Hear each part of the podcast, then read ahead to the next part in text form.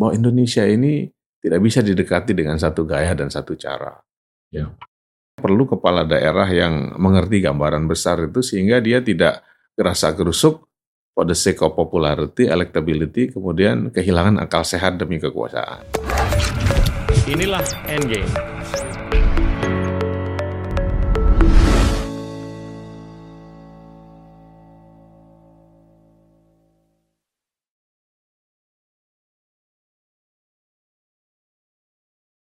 Halo teman-teman, hari ini kita kedatangan teman dekat saya, Bro Zulkifli Mansyah. Beliau adalah eh, mantan Gubernur Nusa Tenggara Barat, tapi juga seorang teman yang sangat komit untuk pendidikan dan gimana bangsa dan negara kita itu bisa lebih maju ke depan.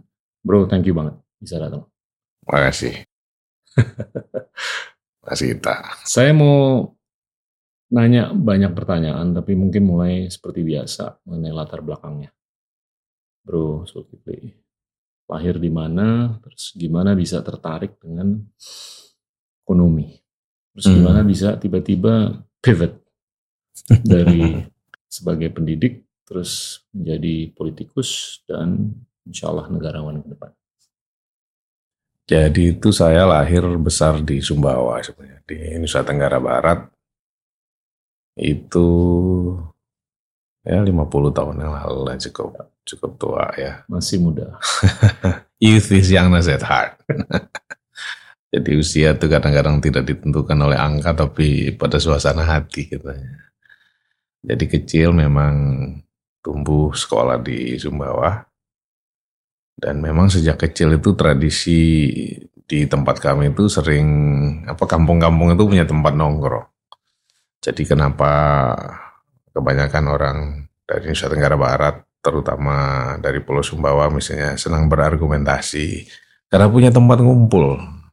Ada Pak Din Samsudin, Fahri Hamzah, Van Gafar macam-macam itu karena wadahnya tersedia untuk sering berargumentasi. Itu juga mungkin sedikit menjelaskan kenapa banyak aktivis dari sana. Nah, yang membuat saya kemudian eh, punya sesuatu yang akhirnya merubah hidup saya tuh tahun 89 saya terpilih mewakili Nusa Tenggara Barat dalam student exchange pertukaran pelajar ke Australia. Dan saya kira ini program yang bagus. Jadi Northern Territory itu memprediksi bahwa ke depan tuh jembatan pengertian itu harus dibangun. Dan itu harus dimulai dari grooming the future leader itu dari mudanya siapa tahu anak-anak yang bersekolah di Australia itu satu saat bisa jadi pemimpin Ya. sehingga tidak lagi harus mengenalkan segala sesuatu dari awal. Nah sampai di Australia itu itu merubah cara pandang kami yang muda-muda karena diperkenalkan dengan budaya yang baru, cara bekerja dan belajar yang baru, sehingga kalau dianggap itu satu kesuksesan itu membuka keinginan untuk mengupgrade terus kemampuan. Ya. Sehingga kalau sebelumnya anak-anak Nusa Tenggara Barat itu hanya memikirkan kuliahnya itu di Malang atau Jogja, dengan saya punya pengalaman di Australia itu, jadi punya mimpi yang relatif lebih besar. Nah, akhirnya memilih Fakultas Ekonomi di UI. Nah itu yang memperkenalkan sesuatu yang baru juga karena UI ini menyediakan lingkungan yang sangat heterogen. Kita semua berasal dari daerah yang berbeda-beda, punya agama, cara pandang, ideologi macam-macam lah di UI seperti replika Indonesia. Nah saya kebetulan pas di UI itu jadi ketua senat mahasiswa Universitas Indonesia tahun 94. Hmm. Itu yang menjelaskan kemudian kenapa berinteraksi dengan politik. Dan waktu itu ada pemilu raya. Jadi kayak Hmm. demokrasi di Indonesia sekarang. One student, one vote. Kita kampanye ke setiap program studi, ke fakultas. Jadi hiruk pikuknya seperti sekarang lah. Nah akhirnya mengajar di Fakultas Ekonomi jadi asisten dosen, kemudian sekolah. master dan PhD-nya di Glasgow. Nah, waktu saya pulang tahun 2001, statusnya bukan pegawai negeri. Nah, bukan pegawai negeri karena waktu itu UI itu seperti badan hukum sendiri yang memungkinkan staf pengajarnya punya pilihan mau jadi pegawai negeri atau tidak. Nah, tiba-tiba ada celah sejarah yang memungkinkan beberapa aktivis ini membentuk organisasi namanya Partai Keadilan waktu itu. Nah kita-kita yang tidak jadi pegawai negeri ini nggak punya alasan untuk tidak ikut. Nah, jadi saya Fahri Hamzah dari Fakultas Ekonomi sama Rama Pratama waktu itu mantan-mantan pemimpin mahasiswa di UI itu diminta untuk bergabung dengan komunitas ini. Nah itulah yang menjelaskan kenapa dalam usia yang relatif belia sebenarnya akhirnya kami masuk ke Senayan pada tahun 2024 dan mulai berkenalan dengan Mas Gita waktu masih muda. Terus kapan keputusan untuk maju untuk menjadi pemimpin daerah terlintas? Nah kalau menjadi pemimpin daerah itu justru saya tuh nggak pernah kepikiran hmm. karena sudah relatif nyaman sebenarnya iya, di Jakarta betul. tiga periode jadi anggota DPR. Iya. Nah waktu itu kenapa terpikir menjadi pemimpin daerah itu by accident juga. Hmm. Waktu itu Fahri Hamzah Eh, sahabat saya itu punya masalah sama PKS. Nah, jadi kayaknya punya cara pandang yang berbeda. Dan nampaknya waktu itu pertentangannya sampai bikin partai baru kan, ya. Partai Gelora. Nah, saya kebetulan yang mengajak Fahri Hamzah ini ke PKS dulu, yang ngajak hmm. dia ke Jakarta dan lain sebagainya. Dan waktu itu memang suara Fahri di NTB ini cukup besar, signifikan. Jadi PKS ini dalam tanda kutip meminta pertanggungjawaban moral saya lah sebagai orang yang membawa Fahri ke PKS di Jakarta untuk mengamankan NTB daerah pemilihan ini supaya jangan sampai suara PKS tergerus gitu. Jadi saya diminta balik.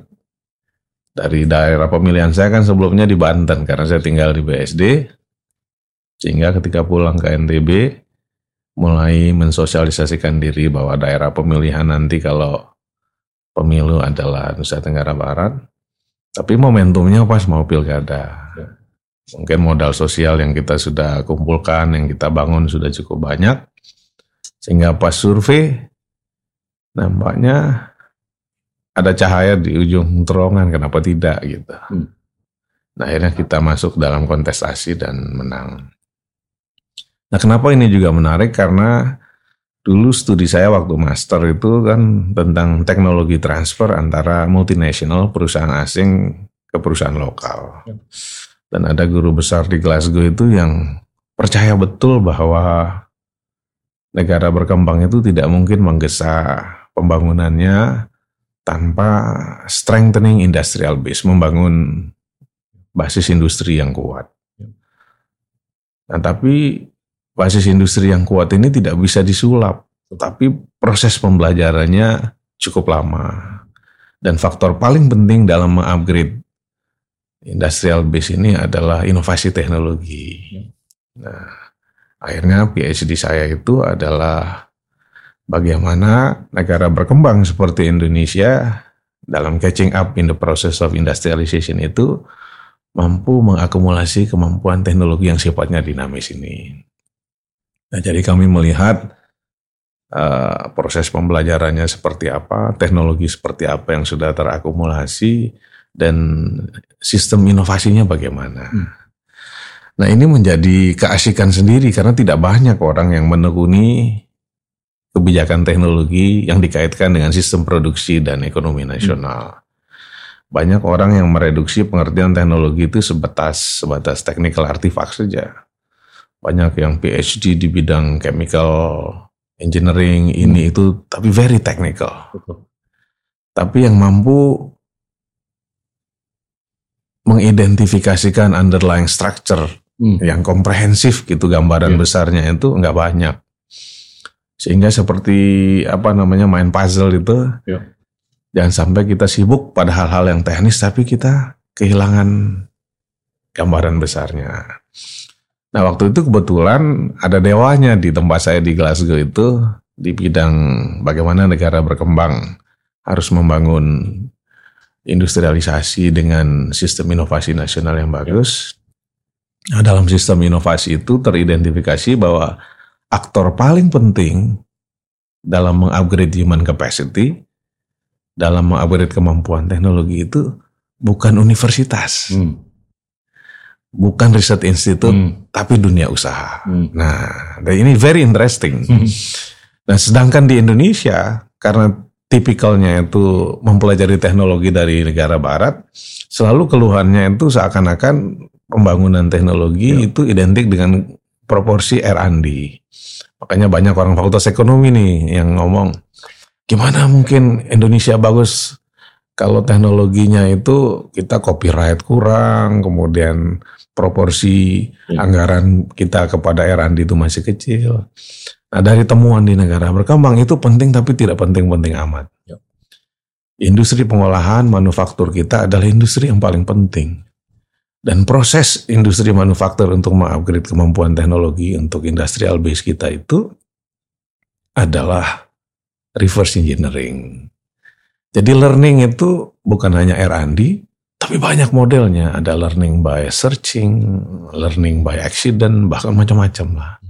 Dan hasil studi saya memang menakjubkan sekali yang memberikan inspirasi hmm. bahwa nggak ada yang nggak mungkin di negara berkembang itu kita buat asal ada yang mau beli sebenarnya. Jadi persoalan kita bukan pada bisa tidaknya membuat, karena engineering capacity dan capability kita ada. Tapi bagaimana pasar mampu menyerap apa yang dibikinkan oleh bisnis kita ini. Jadi ini menarik sekali. Nah saya dulu di DPR itu coba menyuarakan ini. Hmm. Tapi tidak seksi amat buat pemegang kebijakan di Indonesia. Apalagi setelah Pak Habibie dianggap sebagai aktor yang membuat ekonomi kita rada bermasalah. Terutama dari fakultas ekonomi saya sendiri. Yeah. Jadi saya punya kesempatan sebagai kepala daerah ini mengekspresikan apa yang kita pelajari ini dalam bentuk yang konkret. Misalnya dulu sebelum jadi gubernur saya membuat di Indonesia Timur, tepatnya di Sumbawa itu Universitas Teknologi Sumbawa. Ya. Orang kan bertanya kenapa Universitas Teknologi Sumbawa? Karena kita yakin betul bahwa tanpa teknologi nggak mungkin kita menggesa ketertinggalan. Jadi merubah paradigma mental model masyarakat bahwa teknologi itu sebenarnya tidak hidup dalam kevakuman, tidak terisolasi dari sosial konteksnya. Jadi teknologi itu bukan teknik, tapi dia dekat dengan musik, dengan psikologi, dengan accounting, dengan hmm. bisnis. Dan kita harus merajut dan meramu ekosistemnya supaya nanti dari ekosistem yang bagus itu tumbuh perusahaan-perusahaan yang akan menjadi agent of technological development. Jadi kalau mau membangun technological capability yang sifatnya dinamis ini, Bukan bangun riset institut, bukan bangun kampus yang bagus. Tapi bagaimana dari kampus dan riset institut itu mampu menghasilkan pengusaha-pengusaha yang menghidupkan perusahaan. Dari perusahaan itu akan ada pembelajaran teknologi. Nah, dengan menjadi kepala daerah, kita punya otoritas untuk mengeksis apa yang kita pelajari, Mas. Iya. Nah, jadi gubernur beda dengan jadi jadi menteri, beda jadi anggota DPR. Kita dikasih kesempatan. Yeah. Nah, makanya di NTB ini kita bereksperimen, ya kalau yang lain-lain programnya standar saja. Tapi misalnya pertama, kami punya program mengirimkan ribuan anak Nusa Tenggara Barat ini ke luar negeri.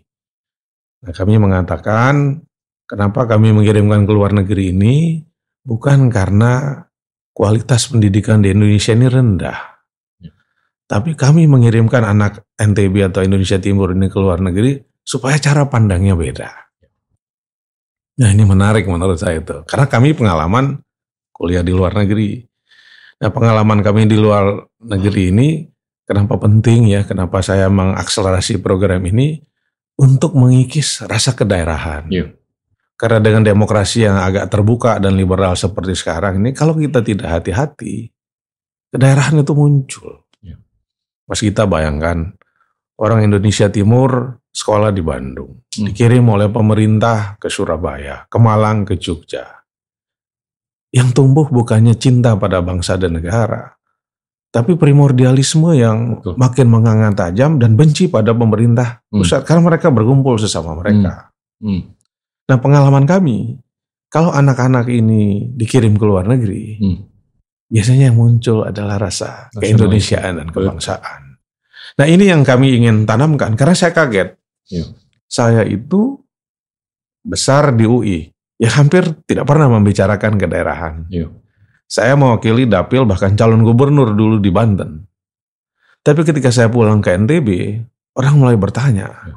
Pak Zul ini dari mana? Orang Sumbawa kah? Orang Bima kah? Orang Lombok? Ini satu hal yang sebenarnya saya tidak pernah dengar ketika di Jakarta.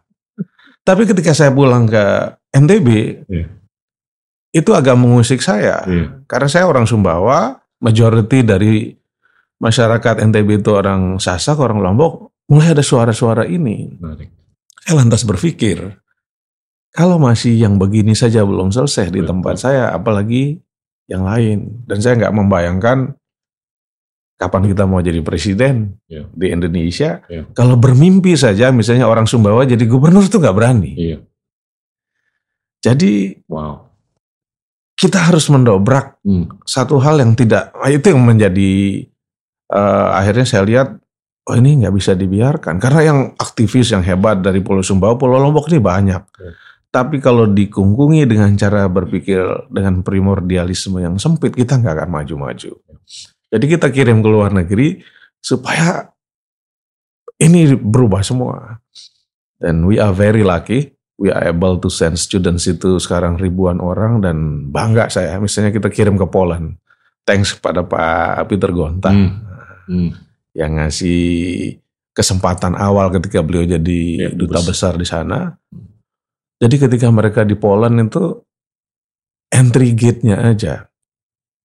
Karena ketika mereka ada di Eropa, mereka punya kemampuan untuk mengelilingi Eropa negara-negara tetangga yang lain. Jadi awalnya kita kirim ke Poland, tapi second semesternya bisa di Portugal, Iya. bisa di Yunani, Iya. bisa di Itali dan lain sebagainya. Hmm. Jadi kita mendidik anak NTB ini menjadi global citizen. Wow. Dan ini datang dengan confidence yang Iya. baru. Kenapa saya sangat menggesa program ini juga untuk mengantisipasi Hmm. banyaknya suplai aktivis lokal Iya. yang mewarnai sosial media kita Ya. dan penuh sesak dengan berita-berita politik dan kekuasaan. Ya. Nah, anak-anak di luar negeri ini saya kasih pesan sebelum mereka berangkat, Anda harus mengguncangkan bumi Eropa supaya langkah-langkah anak-anak NTB ini bukan hanya didengar di kita tapi di seluruh dunia. Ramaikan sosial media itu dengan berita-berita yang produktif. Ya. Ramaikan sosial media kita dengan signal of changes yang baru sehingga menginspirasi orang-orang yang ada di desa Anda. Dan dengan sosial media karena ini orang-orang yang terpilih, yaitu menjadi tokoh minimal dalam bayangan masyarakatnya orang desanya itu yang dengan sosial media sehari-hari Hmm. bisa berinteraksi. Dan saya senang mereka punya confidence. Saya beberapa waktu yang lalu diundang oleh award di beasiswa kita yang Hmm. balik ke NTB Hmm. itu sudah berani mengundang menteri dari Polandia, wali Wow. kota dari Polandia datang ke desanya. Wow. Jadi secara psikologis dia sudah punya confident, keberanian, Hmm. tidak lagi inferior terhadap orang asing. Nah itu yang pertamanya. Yang kedua misalnya dengan menjadi kepala daerah ini kita mulai mengenalkan konsep industrialisasi. Nah industrialisasi ini kosakata yang tadinya ini eh, identik dengan perusahaan besar. Dengan PT Aman Mineral, industrialisasi itu identik dengan urbanisasi, asap yang mengepul, merusak lingkungan Hmm. dan lain sebagainya. Tapi dari pengalaman kami studi di Eropa yang punya uh, school of thought yang Hmm. rada beda dengan ekonomi Hmm. mainstream ini, sebenarnya industrialisasi itu tidak selalu identik dengan proporsi industri dalam kue ekonomi kita. Hmm. Tapi sebenarnya sejatinya industrialisasi itu adalah kemampuan satu daerah, satu bangsa untuk adanya pendalaman struktur, namanya structure deepening. Hmm. Mulai punya keberanian untuk tidak menjual komoditas mentah keluar, tapi mengolahnya di Ya. di dalam daerah untuk menghadirkan positif externality, eksternalitas yang positif. Kenapa NTB miskin? Kenapa Indonesia Timur itu miskin? Karena kami jual jagung ke Kalimantan, Kami jual jagung ke Sulawesi, kami jual jagung berkapal-kapal ke Filipina. Kemudian kami beli pakan ternak dari bahan baku yang kita bikin sendiri, yang kita kirimkan sendiri. Nah kita punya ikan hmm. yang banyak sekali dari sapi, dari sekotong, dari ya. mana-mana, dikirim ke Surabaya, kemudian dibersihkan, diolah, dijadikan ikan baku, bukan diekspor ke Cina atau ke Amerika, tapi dijual ke hotel-hotel yang ada di tempat kita. Jadi term of trade-nya ya. Jadi kita selalu menjual komoditas tradisional yang ya. lebih murah, kemudian kita beli produk yang lebih mahal. Nah ini kita balik. Dan alhamdulillah kita terkena COVID. Nah COVID itu blessing in disguise juga ya. mas kita. Jadi kalau daerah lain Nah, waktu itu Pak Jokowi bilang kasih bantuan cash. Waktu itu saya mengatakan pada pemerintah kami dan juga pemerintah pusat soal ke Pak Jokowi, bisa nggak NTB ini dikasih seperti diskresi, jangan bantuannya dalam cash, tapi diberikan dalam bentuk komoditi. Hmm. Tapi itu all local commodities. Nah jadi yang perlu diajak bicara itu kami kumpulkan kepolisian, BPKP, BPK, kejaksaan kasih diskusi seperti inilah mas kita kasih tahu bahwa kami akan kasih masyarakat ini for the sake of physical distancing, social distancing supaya ada kesibukan di rumah ketika covid itu kita suruh bikin produk yang diolah. Tapi ini akan kami kasih bantuan ke masyarakat. Nah, jadi ada insentif buat UKM-UKM ini bikin produk karena diserap oleh kami oleh Pemda, kemudian ini diserahkan pada masyarakat. All local products. Nah, jangan permasalahkan secara hukum.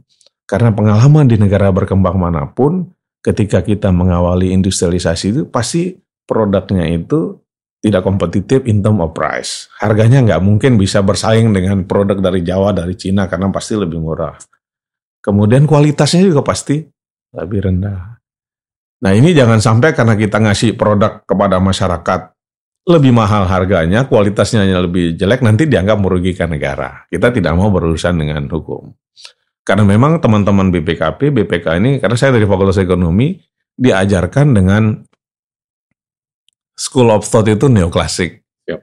economics, bahwa kalau Anda bisa beli di tempat lain lebih murah, kenapa harus bikin? Nah jadi cost of learningnya tidak masuk dalam perhitungannya. Akhirnya benar kami suruh bikin dan berkah itu dari musibah itu hmm. selama covid dari apa namanya evaluasi dari BNPB NTB termasuk provinsi yang mampu mengatasi covid sekaligus membangun ekonominya. Karena selama covid itu kami punya 5000 UKM baru dengan cara begitu. Dan kita bukan hanya mampu mengemas ayam taliwang dalam kemasan tapi rapid antigen pun kita bisa bikin. Nah, jadi itu bahwa frugal innovation itu mungkin saja hadir dan luar biasa. Sekali kita berhasil inovasi di satu produk, ada ekspansi of human capacity dan capabilities, kita punya kemampuan. Sekarang itu kita bukan hanya jual kain, tapi sudah bisa bikin pakaiannya. Bukan hanya bikin tomatnya, tapi mungkin sambal tomatnya. Kalau selama ini ayam taliwang hanya di dipanggang, dikirim ke Jakarta 2-3 hari sudah basi. Sekarang dengan kemasan yang bagus, durasinya bisa lebih tahan lama. Nah proses mengemas ayam taliwang dalam kemasan yang lebih bagus, ini kalau orang tidak paham teori industrialisasi dianggap ecek-ecek. Oh jadi industrialisasi itu hanya mengemas ayam jadi ayam kaleng. Padahal kalau kita lihat proses menjadi ayam kaleng yang dikemas dengan teknologi yang tidak sederhana itu tidak costless, tidak timeless dan tidak otomatis. Itu proses pembelajarannya berdarah-darah. Nah inilah yang disebut oleh Pak Jokowi sebenarnya bangga beli bela produk lokal itu substansinya di situ dan kami mengatakan NTB termasuk salah satu provinsi yang menerjemahkan apa yang dipikirkan oleh Pak Jokowi itu. Karena kalau enggak banyak calo-calo datang ke tempat kita beli alat kesehatan dari Cina. Beli ini produk, terutama produk pemerintah. Nah kalau aparat hukum kita nggak diajak bicara mas, nanti diperiksa semua ada dinas-dinas kita itu kementerian kita. Kenapa ini kurang, ini kurang. Nah, jadi kadang-kadang persoalan dalam prakteknya tidak sesederhana teorinya kita karena kalau aktor-aktor di dalam pembangunan itu tidak sering ketemu, tidak berteman, tidak mengerti apa yang dilakukan, bisa nyangkut di kasus hukum. Nah, jadi selain mengirim mahasiswa, kita industrialisasi dan yang menarik juga ya kita diberikan kesempatan oleh Pak Jokowi menjadi host atau tuan rumah hmm. banyak global events. NTB itu punya motor GP sekarang punya World Superbike bahkan MXGP motor cross dunia itu ya. dua series ada di di NTB. Ini mengakselerasi cara pandang juga perubahan kita berinteraksi dengan keragaman budaya kerja yang baru, mental kepemimpinan, hmm. management practices dan lain sebagainya. Dan saya optimis ya siapa pun gubernur berikutnya itu bisa direplikit pengalaman hmm. ini untuk kemudian nanti bisa ya di skala yang lebih besar di tingkat nasional very interesting menarik nah jadi yang jadi pemimpin daerah itu ada keasikan sendiri juga bro dua hal semenjak kita pertama kali ketemu hmm. sampai sekarang kita nggak pernah nggak ngobrol mengenai pendidikan, hmm. ya kan? Terlepas dari profesi kita tuh apa aja, hmm. ya kan? Mau nganggur kayak, mau lagi jadi pengusaha kayak, mau jadi pejabat kayak atau apa. Berkali-kali kita ketemu tuh kita nggak pernah ngobrol mengenai pendidikan, hmm. ya kan? Hmm. Dan narasi Anda tuh kental sekali hmm. dengan pendidikan. Yang pertama. Yang kedua, gimana Anda tuh bisa menjelaskan berbagai masalah atau urusan secara atau sangat terstruktur. ya kan? Mungkin kita ngobrol mengenai pendidikan dulu. Ya? Anda tuh yang ngundang saya berkunjung ke UTS di tahun 2010. Perdana lah. Hmm. Ya kan? Dan kalau saya lihat di buku-buku perpustakaan di kalangan anak-anak muda di Indonesia, itu titel yang dipinjam. Itu bobotnya lebih banyak ke sosial, 32-33 persen, hukum 32-33 persen, ekonomi 32-33 persen. Anda ekonom. Tapi yang disayangkan adalah titel yang kental dengan ilmu terapan. Itu cuma 0,5 persen. Ini gimana nih? Kalau ada aktor di NTB yang berkepentingan untuk meningkatkan inovasi dan technological development. Tapi kalau secara umum, ini agak-agak tipis pengetahuan STEM di usia muda. Ada data lagi yang saya udah angkat beberapa kali, yang mana kalau kita mengacu ke anggaplah lulusan STEM S3 di Amerika Serikat, tahun 2021 kalau nggak salah, itu jumlah lulusan STEM S3 dari Tiongkok di Amerika Serikat itu 6 ribuan. Dari India 2 ribuan. Dari Korea Selatan seribuan. Dari Turki 400-an.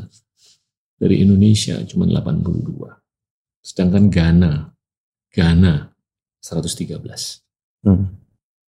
Kita kan punya kepentingan untuk meningkatkan produktivitas. Gimana nih caranya? untuk mengviralkan apa yang Anda sudah lakukan di NTB untuk kepentingan teman-teman kita di seluruh Indonesia? Yang pertama perlu ditekankan ya hmm. bahwa membangun technological capability, technological development ini prosesnya panjang. Siap. Dan jalannya itu berliku dan mendaki. Jadi bukan jalan yang mulus-mulus saja. Dan teknologi itu tidak singular Hmm. Teknologi itu banyak modelnya dan di setiap industri itu cara pembelajarannya beda-beda. Ya. Chemical industries dengan industri manufaktur aksentuasinya beda. Ya. Pendidikan sama perbankan teknologinya juga pembelajarannya beda. Begitu juga dengan IT, ya. digitalisasi. Nah, jadi pembelajaran teknologi di semua industri cara pembelajarannya beda, sehingga membutuhkan polisi atau kebijakan yang mestinya tidak seragam juga. Nah itu yang pertama harus ditekan bahwa pembelajaran teknologi ini butuh biaya, butuh waktu dan tidak terjadi secara otomatis. Kalau dalam ilmu ekonomi yang neoklasik itu direduksi dengan learning by doing saja. Siap. Learning is not only by doing saja. Ada yang harus didesain secara sistematis. Nah oleh karena itu ketika menyadari bahwa teknologi ini panjang dan harus jelas pilihan industrinya misalnya Nah tentu ekosistemnya harus dipahami utuh.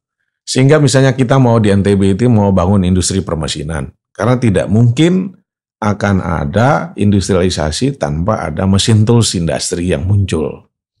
Jadi kita mesti punya desain tentang SMK kita apa yang dipelajari. Kehususannya apa saja. Nah ketika SMK atau SMA kita kemudian kampusnya seperti apa ekosistemnya, nanti mestinya turun turun itu sampai SMP, SD, PAUD, bahkan semua pondok-pondok kita harus punya dasar sebenarnya. Kalau teknologi itu seperti apa yang akan dibangun, jadi bagaimana membuat bio, misalnya kita mau bangun biotek yeah. industri. Tentu untuk membangun biotek industri, kita harus punya kemampuan dari PAUD, dari TK, dari awal pondok itu untuk mengajari biologi dengan cara yang sangat menyenangkan. Kalau kita mau bangun karena ada ekstraktif industri misalnya, kita mau bangun metalurgi. Ya. Mesti aja di SD, di PAUD itu, bahkan di pondok pesantren, yang akan mengajar matematika, fisika dengan cara yang gampang. Nah, kita mungkin terbiasa tidak memahami substansi misalnya. Ya. A sama dengan V dibagi T misalnya. Siap. Ya kan kita cuma diajar bahwa untuk menghitung percepatan, kecepatan dibagi dengan waktu. Siap. Nah, tapi kalau kita di luar negeri dijelaskan di SMP, di SMA di luar negeri kan jelas sekali bahwa A itu acceleration, V-nya itu velocity divided by time. Jadi narasinya ada. Jadi orang itu ketika mendengar percepatan, percepatan apa sih? Yeah. Nah kalau diterjemahkan jadi acceleration, velocity divided yeah. by time itu dia jadi rangkaian cerita yang bisa dikaitkan dengan keseharian. Nah guru yang sampai sekarang ngajar fisika berpuluh-puluh tahun kadang-kadang tidak memahami bahwa A itu acceleration sebenarnya. Sehingga rangkaian ceritanya itu tidak tidak nyambung pada anak-anak yang bisa menangkap pelajaran dengan cerita. Kan tidak semua otak kanan otak kiri kita itu sama kapasitasnya. Nah, pondok pesantren kita ustadz-ustadznya, kiai-kiainya kalau ngajar tentang sejarah Nabi, sejarah ini menarik, ilustrasinya indah-indah. Tapi ketika ngajar matematik, udah gurunya tidak komunikatif gitu, ya akhirnya orang nggak tertarik belajar itu. Jadi kalau kita mau bangun industrialisasi yang backbone-nya itu adalah kemampuan teknologi dan inovasi, ini harus diterjemahkan dengan ekosistem yang lengkap dari PAUD, dari kecil, dari TK. Sehingga basis STEM kita tuh memang dari dari awal. Sorry saya potong. Apa yang kita bisa lakukan? Saya saya seribu persen Setuju. Apa yang kita bisa lakukan untuk bisa membuahkan guru hmm. yang berkualitas? Untuk bisa meningkatkan daya tarik terhadap ilmu atau titel yang kita ingin usung ke depan. Ya kan? Nah, kita kita kenal nih satu orang. Namanya Bagus Mulyadi. Hmm. Yang sangat piawai menjelaskan ilmu yang kayaknya agak-agak sulit, tapi dengan cara yang sangat mudah dicerna. Hmm. Nah itu gimana? Nah, kalau Anda tahu caranya gimana, terus pertanyaan berikutnya adalah optimisme Anda terkait dengan bagaimana kita bisa membuahkan kepiawaian dalam proses ngajar. Nah kebetulan eksperimen kita ini bukan sekedar ngarang-ngarang. Kita Siap. sudah pernah membuktikan di Universitas Teknologi Sumbawa namanya. Siap. Mantra awalnya itu adalah Where there is a will, there is a way. Kalau ada keinginan, nggak ada yang mustahil, Pak. Ya. Nah itu yang pertama kita camkan. Dan itu sudah kami buktikan.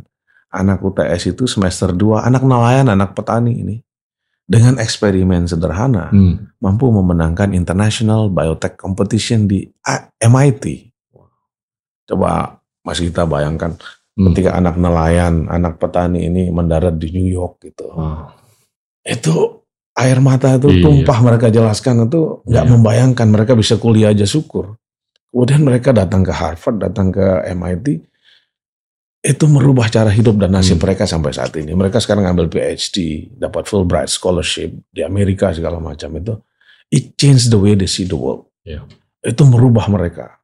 Allah. Jadi kita tekankan dari awal itu bahwa bukit kita namanya Olat Maras di sana Hmm. itu terdiri dan Mas kita pernah di sana. Hmm. Kampus kita boleh kecil, tapi cita-cita kita harus besar. Hmm. Gedung kita boleh mungil, tapi gagasan itu harus menggetarkan semua yang ada. Ya. Jadi itu yang kita pembakan semangat war dari Sewil, dari Sewi itu. Yang kedua, Pak Dahlan itu waktu ke sana Menteri BUMN kita ngasih inspirasi juga bahwa orang Cina itu selalu punya filosofi yang bagus kita tiru katanya. Ya. Kata orang Cina, gunung itu tidak harus tinggi, yang penting ada dewanya. Nah kan Gunung Kawi kata Pak Dahlan Iskan itu nggak tinggi, tapi karena dipersepsikan ada dewanya banyak orang datang ke sana. Hmm. Sungai itu tidak harus dalam, yang penting ada naganya. Jadi kita bikin program studi yang harus ada dewanya. Kalau Anda mau bikin bioteknologi, mesti ada profesor biotek yang the best di bidangnya. Hmm. yang harus diundang ke sana. Nah metalurgi harus ada dewanya. Nah saya kira orang-orang seperti Mas Bagus, ini sahabat saya juga itu, kalau dibawa ke kampus, tak- katakanlah di Sulawesi Utara, Hmm. Sulawesi Tenggara, Sulawesi Tengah, dia pasti dewa di bidangnya. Ya. Johannes Surya bikin kampus, dia jadi dewa. Mas Gita misalnya bisa menjelaskan music, accounting, bisnis segala macam. Mau nanti kampusnya di mana saja bisa jadi. Ya. Yang penting butuh dewanya itu satu. Nah oleh karena itu saya termasuk yang optimis. Karena orang Aceh, orang Jambi, orang Bengkulu, seluruh Jawa, seluruh Sumatera itu kita kasih beasiswa sekolah di Sumbawa, pulang menjadi orang hebat kok. Nah jadi itu luar biasa juga tuh. Jadi kita rubah kenapa UTS itu kita bangun di sana. Karena kan tadinya di gubernur sebelum saya itu Human Development Index Siap. NTB itu rendah. Bukan karena standard of living-nya rendah, tapi karena majority lulusan terbaiknya itu sekolah di Bandung, Ya. Bogor, Jakarta, Jogja, dan Malang. Hmm. Nah kita balik sekarang mas, kita bikin kampus di Sumbawa, kemudian menyediakan beasiswa, living allowance-nya kita sediakan, kemudian tuition fee-nya di wave segala macam, attracting best brain dari western part of Indonesia. Ya. Dari barat kita tarik ke timur supaya IPM Indonesia Timur ini dan waktu itu saya kasih waktu jadi pimpinan komisi di DPR saya kasih rekomendasi bagaimana supaya sekolah kejuruan yang bagus itu jangan hanya ada di Jawa. Hmm. Sekolah tinggi akuntansi negara itu kalau bisa taruh di Sulawesi, taruh di Maluku Utara. Sekolah tinggi ilmu statistik misalnya. Kenapa harus di Jakarta? Saya pernah waktu jadi pimpinan Komisi 11 itu saya rekomendasi anak dari Banten, dari NTB masuk sekolah tinggi ilmu statistik. Nilai matematiknya rata-rata 89. Tapi apa kata kepala BPS? Mohon maaf mas, kita nggak bisa terima yang nilainya 8. Karena yang nilainya 10 banyak sekali. Masya Allah.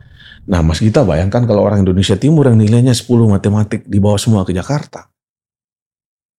Itu brain drain-nya luar biasa. Ya. Tapi coba kalau sekolah tinggi ilmu statistik ini ada di Indonesia Timur. Kan jarang orang yang kuliah di STAN, sekolah tinggi ilmu statistik ini orang kaya. Ya. Pasti orang yang menengah ke bawah. Pinter. Ya. Nah, kalau yang menengah ke bawah pinter ini di drop ke Indonesia Timur, maka dampak sosial itu banyak. Karena eksternalitasnya pasti dia akan ngajar Hmm. private kepada anak kepala desa, anak RT, ada apa sehingga nanti knowledge base kita di tingkat level bawah sampai menengah itu pasti bagus. Nah, jadi saya mendorong sebenarnya pemerintah itu ke depan seperti gaya Pak Jokowi lah bikin Siap. ibu kota negara di Kalimantan Kalimantan. Timur. Jadi sekolah-sekolah terbaik ini dorong ke Indonesia Timur. Iya. Karena orang Indonesia Barat ini bukan hanya bawa otaknya, Iya. tapi akan bawa budaya, bawa cara hidup, Iya. bawa entrepreneurship capacity dan lain sebagainya. Nah ini yang perlu di dikocok ulang maksud saya. Iya. Nah, saya sudah bangga misalnya Menteri Pendidikan kita ini punya cara pandang yang baru terhadap pendidikan kita. Nah ini harus di diperbanyak dan Iya. digesa karena resistensi untuk berubah juga tidak mudah. Iya. Nah alhamdulillah apa yang kita lakukan di NTB dengan hadirnya Universitas Teknologi Sumbawa ini menginspirasi bahwa nggak ada yang mungkin kalau kita punya kemauan. Produksi talenta itu juga udah jauh lebih banyak di daerah. Tapi saya setuju bahwa pertumbuhan ekonomi itu masih sangat sentripetal, Hmm. mengarah ke sentra. Ini gimana untuk mengsentrifugalkan, ya kan? Sentrifugalitas itu hanya bisa terjadi kalau kita juga bisa mengimplementasi off takers ya. Kalau ada produk pendidikan yang keren di Sumbawa, Hmm. gimana dia bisa diambil di Sumbawa juga, Hmm. jangan di Banyuwangi, jangan di Jakarta, jangan di Surabaya kan. Nah ini entrepreneurship-nya juga harus jalan, ya kan. Nah itu kalau menurut saya berkorelasi dengan modal. Hmm. Saya sering kali mengangkat isu modal atau keterbatasan modal bahkan. Ide itu luar biasa banyak. Pendidikan mungkin sudah meningkat. Produk pendidikan mungkin sudah meningkat, khususnya di NTB. Tapi modalnya ini, Hmm. pandangan Anda gimana mengenai keterbatasan modal? Saya termasuk yang sangat percaya karena saya Hmm. belajar sistem inovasi bahwa aktor paling penting yang menggerakkan sistem ini adalah dunia usaha. Siap. Pemilik modal. Siap. Jadi sekarang ini pemimpin daerah itu harus bersahabat dan berteman kepada pemilik modal, kepada pemilik dunia usaha ini supaya lingkungan tempat mereka beraktivitas ini betul-betul nyaman dan aman. Jadi tugas kami sebagai kepala daerah adalah menyediakan lingkungan yang aman dan nyaman supaya investasi itu menarik, tertarik datang ke tempat kita. Nah, cuman bersahabat ini dignity kan juga perlu dijaga ya. Iya. Bersahabat itu karena jangan sampai para pemilik modal mereduksi persahabatan itu sebatas transaksional. Karena kadang-kadang kan tidak sedikit pemilik modal yang merasa bisa membeli kepala daerah. Kita sudah bantu ini berarti dia akan Hmm. Uh, jadi nganggap ini sebagai biaya yang harus dikeluarkan sebagai bagian dari bisnisnya. Nah, menurut kami bersahabat dengan pemilik modal ini penting supaya mempengaruhi cara dia berpikir. Jangan sampai kita we sleep in the same bed but we have different dreams. Dreams. Nah, jadi Anda tidak boleh menganggap your company as machine for creating money only. Betul. Tapi Anda harus mikir tentang sustainability, tentang bisnis jangka panjang. Bahwa tugas Anda bukan hanya meraup keuntungan, Hmm. meraih ke apa uang yang besar, Hmm. tapi juga memperpanjang usia bisnisnya. Iya. Nah, tidak semua pemilik modal atau manajemen of a company punya cara berpikir seperti itu. Iya. Ada yang pokoknya saya punya tambang di NTB, yang penting saya IPO, saya segala macam dapat uang cepat, kemudian tinggal. Nah, yang kayak gini-gini harus uh, ada dialog yang cukup panjang. Iya. Karena kalau perusahaan besar punya concern mengupgrade kemampuan masyarakat, nggak ada yang nggak bisa. Iya. Perusahaan besar seperti PT Aman, PT Newman waktu itu akan gampang membuka sekolah yang berkualitas, kasih scholarship Iya. yang banyak segala macam. Kalau cara pandang pemilik perusahaan dan manajemen perusahaannya itu bukan semata cari keuntungan dan uh, modal saja, Iya. Tapi juga dia memikirkan kapasitas masyarakat. Iya. Nah, karena menurut saya kapasitas masyarakat yang mulai meningkat akan menyebabkan nanti meraka- masyarakat merasa memiliki. Ya. Makanya kami juga dari Pemda, misalnya kita ada Sumbawa Timur Mining di di Dompu misalnya, Hmm. pasti ribut Hmm. ketika enam tahun yang akan datang memulai karena orang lokal ini pasti akan minta pekerjaan. Kalau tidak dikasih pekerjaan, kami akan tutup, kami akan bakar ini. Itu ancamannya. Iya. Dan saya kira sah-sah saja. Masa diklaim emas tembaga banyak di situ, tahu-tahu untuk dapat 1-2 gram emas harus jadi TKI, TKW di Saudi. Oleh karena itu, kami bikin Hmm. beasiswa. Kami 100 orang dari desa sekitar, kita suruh dia belajar pertambangan. Kita kasih beasiswa dengan harapan kalau dia nanti menolak tambang atau mendukung tambang didasarkan pada ilmu pengetahuan. Jadi masih punya waktu lima tahun dari sekarang kita menyiapkan SDM-nya. Ya.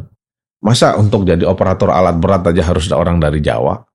Apakah susah belajar Betul. alat berat? Nah kita bikin akademi komunitas yang mampu mengajar anak didik kita Ya. belajar alat berat. Nah harus punya cara pandang yang begitu. Nah bersahabat dengan pemilik modal dunia usaha supaya mereka nyaman. Akhirnya mereka juga ngelihat kita, oh ternyata orang ini tidak mata duitan misalnya. Oh orang ini tidak eh, kepentingannya hanya sekedar untuk uh, memikirkan dirinya. Tapi kalau misalnya dia mengupgrade kemampuan masyarakat lokal, yang akan untung perusahaannya sendiri. Nah, alhamdulillah misalnya Sumbawa Timur Mining itu datang dengan program scholarship sekarang. Siap. Bagaimana supaya masyarakat sekitar tambang itu diajar skill yang pada saatnya nanti mereka akan untung masyarakat lokalnya, perusahaannya juga untung. Nah, memang uh, punya kendala kalau memang pemilik modal atau pemilik perusahaan itu mikirnya jangka pendek. Saya tuh baru nulis makalah di mana saya di situ berhipotesa. Ini berdasarkan data yang kalau menurut saya sangat menyolok. Kalau kita lihat di Asia Tenggara, hmm.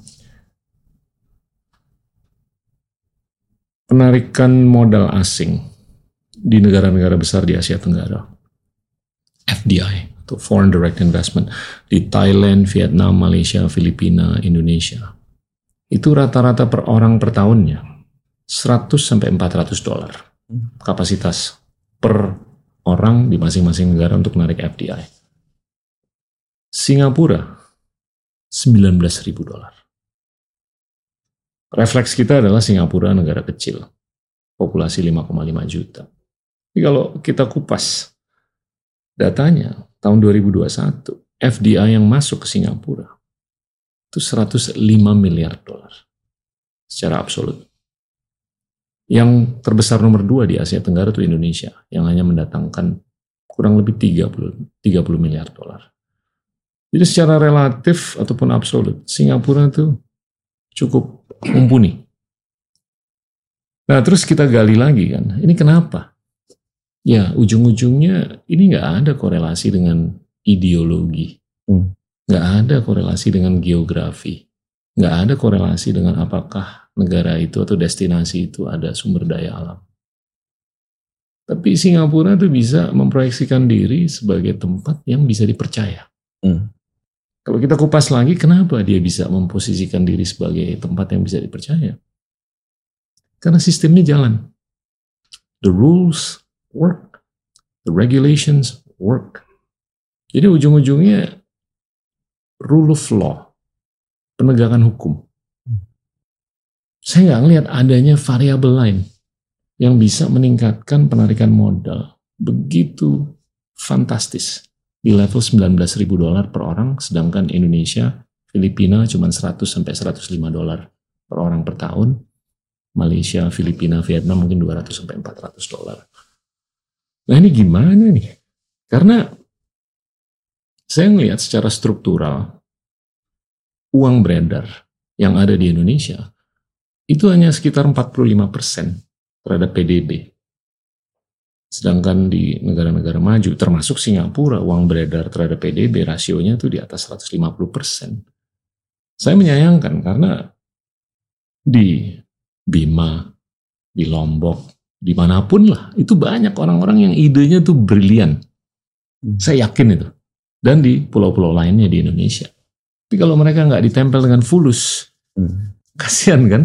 Iya. Dan upaya kita untuk menarik fulus ini nggak bisa semata dari dalam negeri aja, harus dari luar negeri. Dan ini nyambung dengan ilustrasi yang tadi disampaikan bahwasanya kalau kita semakin mengglobalisasi diri, kita lebih bisa mengproyeksikan soft power kita, tapi kita juga bisa meningkatkan nasionalisme kita. Hmm.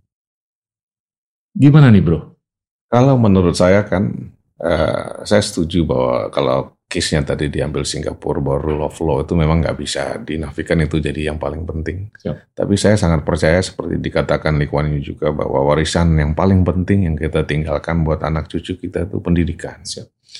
Jadi Singapura kenapa mampu menegakkan rule of law yang begitu bagus? Itu karena mereka mengirimkan banyak anak-anaknya ke luar negeri. Dan ketika mereka awal-awal ke Inggris ya, ke Oxford, ke Cambridge itu, kemudian ke Amerika berikutnya ke iya. Harvard, ke MIT itu, di sana itu iya. cara pandangnya kemudian berubah. Iya. Cara pandang itu kan ditentukan oleh pendidikan, pengalaman, dan teman berinteraksi sebenarnya. Iya. Dengan mereka di luar negeri, mereka akhirnya sadar bahwa memang Inggris itu bukan orangnya baik. Hmm. Tapi mereka punya sistem yang mampu meminimalisir orang berlaku jahat gitu. Ya. Jadi mereka punya sistem yang bukan karena manusianya, tapi sistemnya itu membuat mau nggak mau orang akan punya kepatuhan yang baik terhadap hukum itu. Nah ini yang harus kita lakukan. Kenapa kami menggesa perubahan ini dan mengirimkan banyak anak-anak itu bersentuhan dengan sistem yang yang maju, Siap. sehingga ini betul-betul jadi oleh-oleh yang mereka bawa.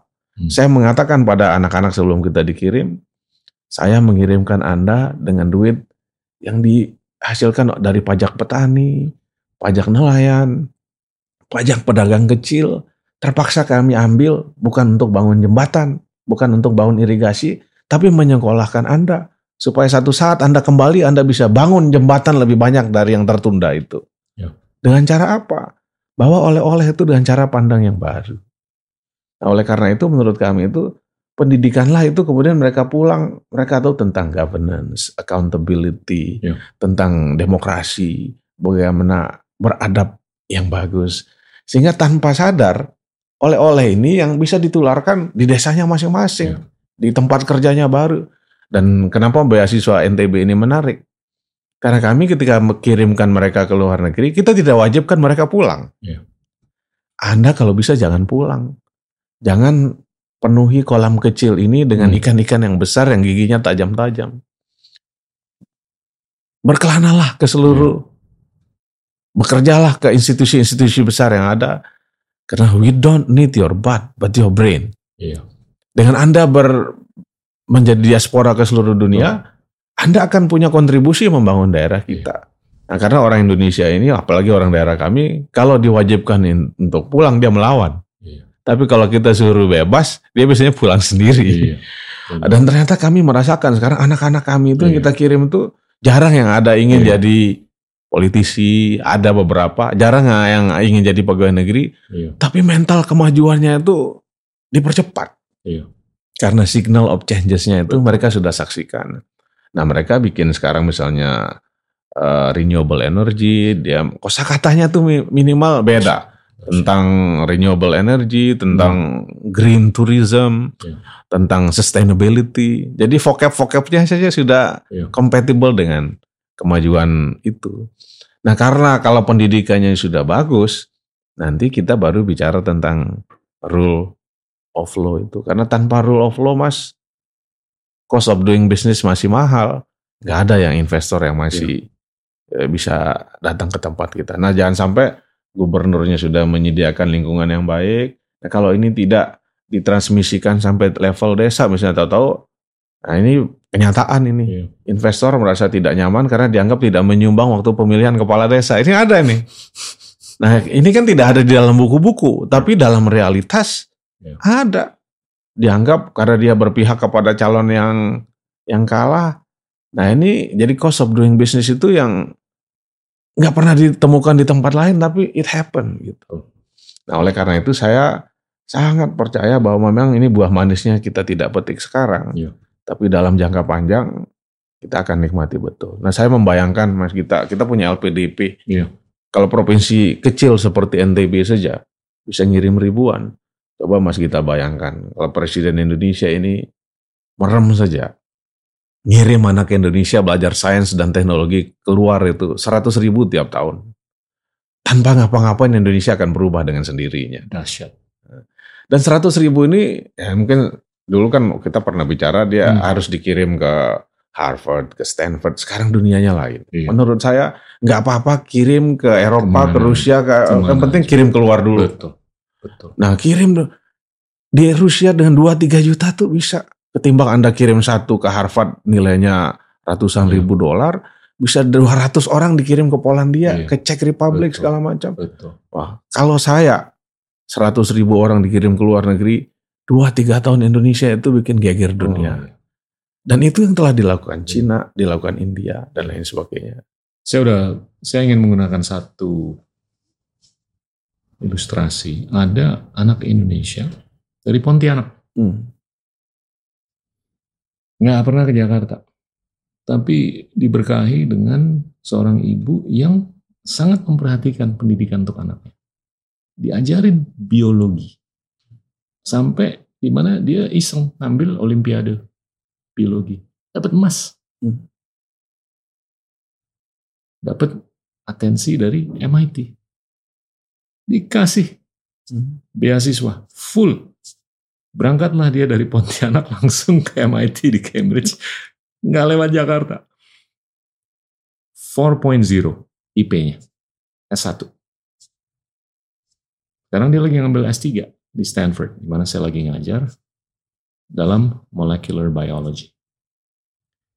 Saya berpikir ini sangat serendipitous, di mana dia tuh karena keberuntungan dan berkah bahwa seorang ibu memperhatikan untuk dia tuh belajar biologi lebih daripada teman-temannya di sekolah. Dia dapat kesempatan. Talent is universal, tapi opportunities are not universal. Nah, ini sebetulnya bisa distruktur. Gimana kalau kita bimbelin aja? Sejuta orang setiap tahun. Dari Sabang sampai Merauke, selama empat bulan, lu belajar TOEFL. Pokoknya lu harus 95 percentile. Kami lakukan itu. Nah ini di Sumbawa Iya, udah iya. kan, di, di Di Lombok. NTB udah kan. Di Lombok. Ini gimana kita nasionalisasikan? Dalam dalam arti kita bimbelin sejuta orang ngambil tes TOEFL supaya skornya di atas 95 persen. Empat bulan kayak. Terus kita bimbelin ngambil SAT. Kita bimbelin ngambil GMAT. Kita bimbelin ngambil GRE. Kita bimbelin belajar biologi supaya dia bisa dapat tembaga kayak apa perunggu kayak perak atau emas Kami Di di NTB itu punya rumah bahasa namanya. Jadi kami kan kan- mereka pingin keluar negeri, cuman kendala bahasa. Jadi kita kursusin. Mereka asal mau saja kursusin. Bahkan kedutaan Cina itu menyediakan guru untuk bahasa Cina di rumah bahasa kita. Jadi where there is a will, there is a way. I like it. Tapi gimana will ini dan way ini bisa di scale dari Ya, Sabang karena- sampai Merauke. Nah, Dan kita ini saya, saya percaya ya Hmm. dengan percakapan ini kayaknya cerita atau narasi Anda nih sangat bisa menjadi inspirasi untuk banyak orang di Indonesia. Bukan dalam dimensi public policy aja, tapi dalam dimensi apa pun. Karena saya ngelihat ini meritnya luar biasa. Karena sebagai demokrasi terbesar nomor tiga di dunia, populasi terbesar nomor empat di dunia, nggak ada alasan kita nggak bisa bersandar di atas dengan Tiongkok, India, Jepang, syukur-syukur Eropa Barat dan Amerika Serikat. Saya jadi ingat nih Mas Gita, cerita begitu tuh. Dulu waktu saya pernah di Kennedy School jadi senior fellow, bahkan postdoktoral saya di Kennedy School itu tanpa tes sebenarnya. Hanya karena ada seorang profesor di Harvard itu teman baik saya, namanya Tarik Masud sekarang itu, bilang ke Harvard, eh ini Gita Wirjawan sama Peter Sondah nyumbang banyak di Raja Wali tuh waktu itu kan. Hmm. Masa orang Indonesia yang kalian nggak akomodir? As simple as that. Betapa seorang Gita Wirjawan dan Peter Sondah yang kontribusinya besar terhadap Harvard Peter itu. Bell. Iya, iya. Maksud kita itu Peter kan di sini. akhirnya kita bisa masuk ke sana dan setelah sampai di sana itu cara pandang kita terhadap banyak hal kan berubah. Berubah. Ini yang saya maksudkan. Mungkin buah manis yang kami kirim ini tidak bisa kita cicipi Bro, untuk sorry kepentingan politik. Sorry, sebagai gue lu aja deh. Saya tuh udah angkat sering kali skala jumlah siswa-siswi Indonesia. Di Inggris tuh cuma 4 ribu. Dari Tiongkok 200 ribu. Skala siswa-siswi dari Indonesia di Amerika Serikat sekarang 8.500. Zaman saya tahun 80-an itu 16 ribu. Dibanding sekarang dari Tiongkok 400 sampai 450 ribu. Jadi gimana kita bisa bertanding, bersaing, berkompetisi? Ini kan ujung-ujungnya skala kan. Jadinya 8.500 yang diberkahi untuk bisa sekolah di Amerika Serikat. Itu they're blessed. Tapi ada 279 juta lainnya di Indonesia yang belum mendapatkan peluang. Nah ini saya jadi Nah, 50 Jawabannya ada di buku ini mas kita nih. The fifth discipline ini. Tapi, Pendekatan, pendekatannya mesti Bro. sistemik. You are one of very very few yang baca buku. Budaya Nah, di sini baca kenapa buku saya menarik ini? Karena ada kata-kata Peter Sinji yang menurut saya sangat bagus ini. Ya. Di buku ini, don't kick the system too hard Iya. Because the system will kick you back harder than you thought. Nah, kalau Anda Paham. ingin merubah sesuatu, jangan tendang terlampau keras Nggak, nggak. karena Ini- dia akan ini nendang. ini hanya mengingatkan. Nah, kalau misalnya ribuan orang yang kita kirim ini ke luar negeri, cara pandangnya berubah. Maka nanti dia akan menularkan kepada lebih banyak. Multiplikasi. Ah, nah sekarang kalau kita kirim ratusan ribu ke Eropa, dan sekarang kayak di Czech Republic kemarin tuh untuk life sciences Iya. atau eh, teknik sipil misalnya, beasiswanya banyak tapi yang daftar gak ada. Iya. Nah, kenapa opportunitiesnya banyak di Eropa Timur sekarang itu? Karena kan mereka eh, tertarik juga mengupgrade akreditasi institusinya. Nah, akreditasi institusinya itu sangat membutuhkan international students. Siap. Nah, jadi ada opportunities buat kita untuk Tuh. ke sana. Tapi di sininya harus disiapkan untuk Setuju. mereka tuh ngambil administered testnya secara mumpuni. Nah ini sebetulnya gampang. Hanya Gampang. 3-4 bulan aja. Iya. Bahkan kalau perlu 400 ribu orang setiap tahun dilatih untuk ngambil biologi, kimia, matematika, fisika Iya. untuk olimpiade. Nah itu sangat ada kita biaya apa modalnya. Apakah itu di LPDP atau di mana pun. Makanya di UTS itu selain kita mengaksentuasikan yang teknik sipil, teknik Hmm. kimia ini itu juga nah berkaitan sama modal tadi. Kami juga kasih insentif scholarship semangat untuk yang mau belajar accounting and finance. Siap. Nah, karena menurut kami jangan sampai startup companies atau teknologi ini kalau nggak ada uang, nggak ada modalnya, nggak tahu carinya gimana, mereka kehilangan kesabaran juga. Namanya orang yang tidak mampu kebutuhan perutnya juga mendesak buat extended family-nya juga. Iya. Jadi memahami accounting and finance itu penting, juga. Penting, penting sekali. Nah, oleh karena itu kita ada namanya ruang publik kreatif juga. Gimana sekarang itu alhamdulillah di UTS itu Anda misalnya jurusan teknik mesin misalnya bisa ngambil kuliah di psikologi. Iya. Bisa ngambil marketing Iya. supaya ada interaksi. Otak kiri, otak kanan. Ah, Betul. makanya walaupun namanya Universitas Teknologi, kita ada jurusan seni tari, seni musik, Hmm. ada namanya Sains Teknopark supaya mereka namanya park itu sains dan teknologi itu bisa dimaknai dengan cara yang menyenangkan. Dan memang salah satu akar masalahnya temukan dosen yang mampu mengajar dan mengkomunikasikan hal-hal yang berat ini dengan bahasa yang sederhana. Bro, kita mau alih nih ke Hmm. demokrasi. Hmm. Pandangannya bro ini gimana? Bentuk demokrasi ini gimana sih? Kita kan udah melewati eksperimen ide ini selama 25 tahun. Ke depannya nih gimana supaya demokrasi atau proses demokratisasi ini lebih baik untuk adik-adik dan anak cucu kita ke depan?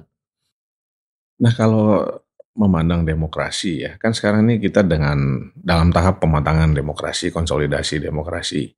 Cuman orang melihat nih demokrasi ini makin lama makin mahal. Untuk jadi pemimpin publik, jadi wali kota, jadi bupati, anggota dewan, gubernur, dan lain sebagainya masih mahal. Nah sedangkan ada adagium di dalam ilmu Hmm. politik dan kekuasaan itu, korupsi tidak bisa dihilangkan dan dihindarkan selama ongkos untuk menjadi pejabat publik itu mahal. Siap. Jadi kita between rock and hard place ini. Nah, oleh karena itu menurut kami ya, memang founding fathers kita sudah paham juga karena kebanyakan founding fathers ini sekolahnya di luar juga.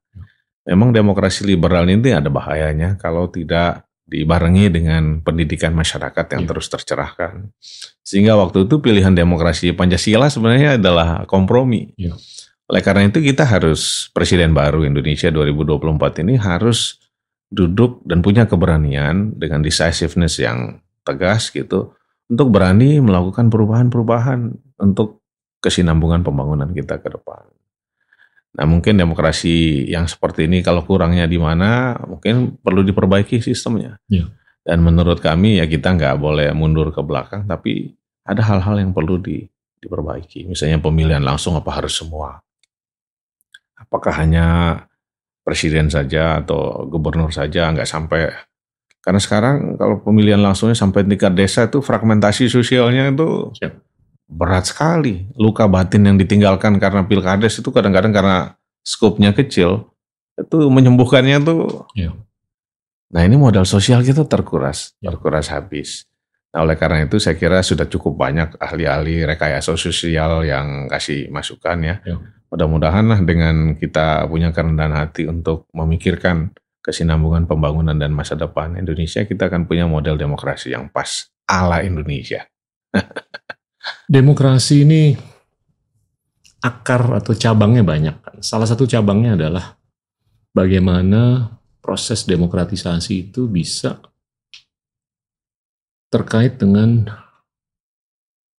gimana kita atau seorang pemimpin tuh bisa mendemokratisasikan talenta. Hmm. Dan demokratisasi talenta tuh berkorelasi dengan pengseleksian talenta lebih berdasarkan meritokrasi. Bukan berdasarkan loyalitas ataupun patronase. Nah, ada hal yang menurut saya sangat paradoksal. Kita menyaksikan di Tiongkok semenjak Deng Xiaoping memprakarsai reformasi semenjak tahun 78. Sebagai otokrasi, mereka justru luar biasa mendemokratisasikan talenta. Hmm. Ibarat kata Deng tuh sangat bulat. Gue nggak peduli. Lo mau pacarnya anak gue atau musuh gue, tapi kalau IQ lo 150, lo patut untuk dipertimbangkan untuk mengisi posisi yang mulia. Apakah itu di policy, politik, ataupun entrepreneurship, atau di mana pun lah. Nah itu konsisten. Jadi ini sangat paradoksal eksistensi Tiongkok sebagai otokrasi, tapi mereka sangat robust mendemokratisasikan talenta. Jadinya penseleksian talenta itu jauh lebih berdasarkan meritokrasi dibandingkan loyalitas ataupun patronase. Sedangkan banyak negara-negara yang sudah melakukan pesta demokrasi, demokrasi terbesar nomor satu, nomor dua, nomor tiga, nomor empat, nomor lima, itu ada observasi yang kental bahwasanya pengseleksian talenta itu lebih berdasarkan loyalitas dan atau patronase, bukan berdasarkan meritokrasi. Ini merupakan discount kan? Hmm. Discount dalam arti kita nggak bisa mencari titik temu yang optimal antara talenta dengan kekuasaan. Hmm. Sehingga economic development kita sulit. Cultural development kita sulit. Social development kita sulit. Jadi gimana kita bisa bertransisi Hmm. dari kebudayaan menjadi peradaban yang keren banget dalam Hmm. konteks demokratisasi yang sudah kita lalui selama 25 tahun. Gimana ya? Kalau menurut saya, tadinya saya percaya betul ya bahwa ini akan mengalir saja. Hmm. Nanti dalam proses mengalirnya ini akan menemukan penyesuaian-penyesuaiannya sendiri. Tapi kalau tidak ada intervensi yang selektif ya nanti bisa juga kontraproduktif. Misalnya sekarang karena mahalnya demokrasi, akhirnya banyak talenta-talenta hebat ini nggak bisa muncul. Akhirnya orang nggak punya kapasitas. Gimana mau punya kapasitas kalau dia modal uang aja misalnya 40 miliar jadi bupati. Dia nggak punya kapasitas sama sekali hanya karena punya 40 miliar, dia jadi gitu. Nah ketika jadi Anda bayangkan aja Mas Gita ya, orang nggak punya kapasitas, kemampuan jadi pemimpin, punya otoritas yang besar Iya. untuk mengatur hidup orang lain. Hmm. Nah angkat jadi kepala dinas ini itu. Nah bisa dibayangkan kalau dia cara pandangnya itu pengusaha banget gitu misalnya Anda mau jadi kepala sekolah bayarnya sekian, Anda mau jadi kepala dinasnya. Iya. Nah, jadi talenta-talenta hebat yang nggak punya kemampuan ekonomi akhirnya terpinggirkan. Apalagi, nah ini yang sering sekali menyakitkan hati kita menyaksikan sendiri.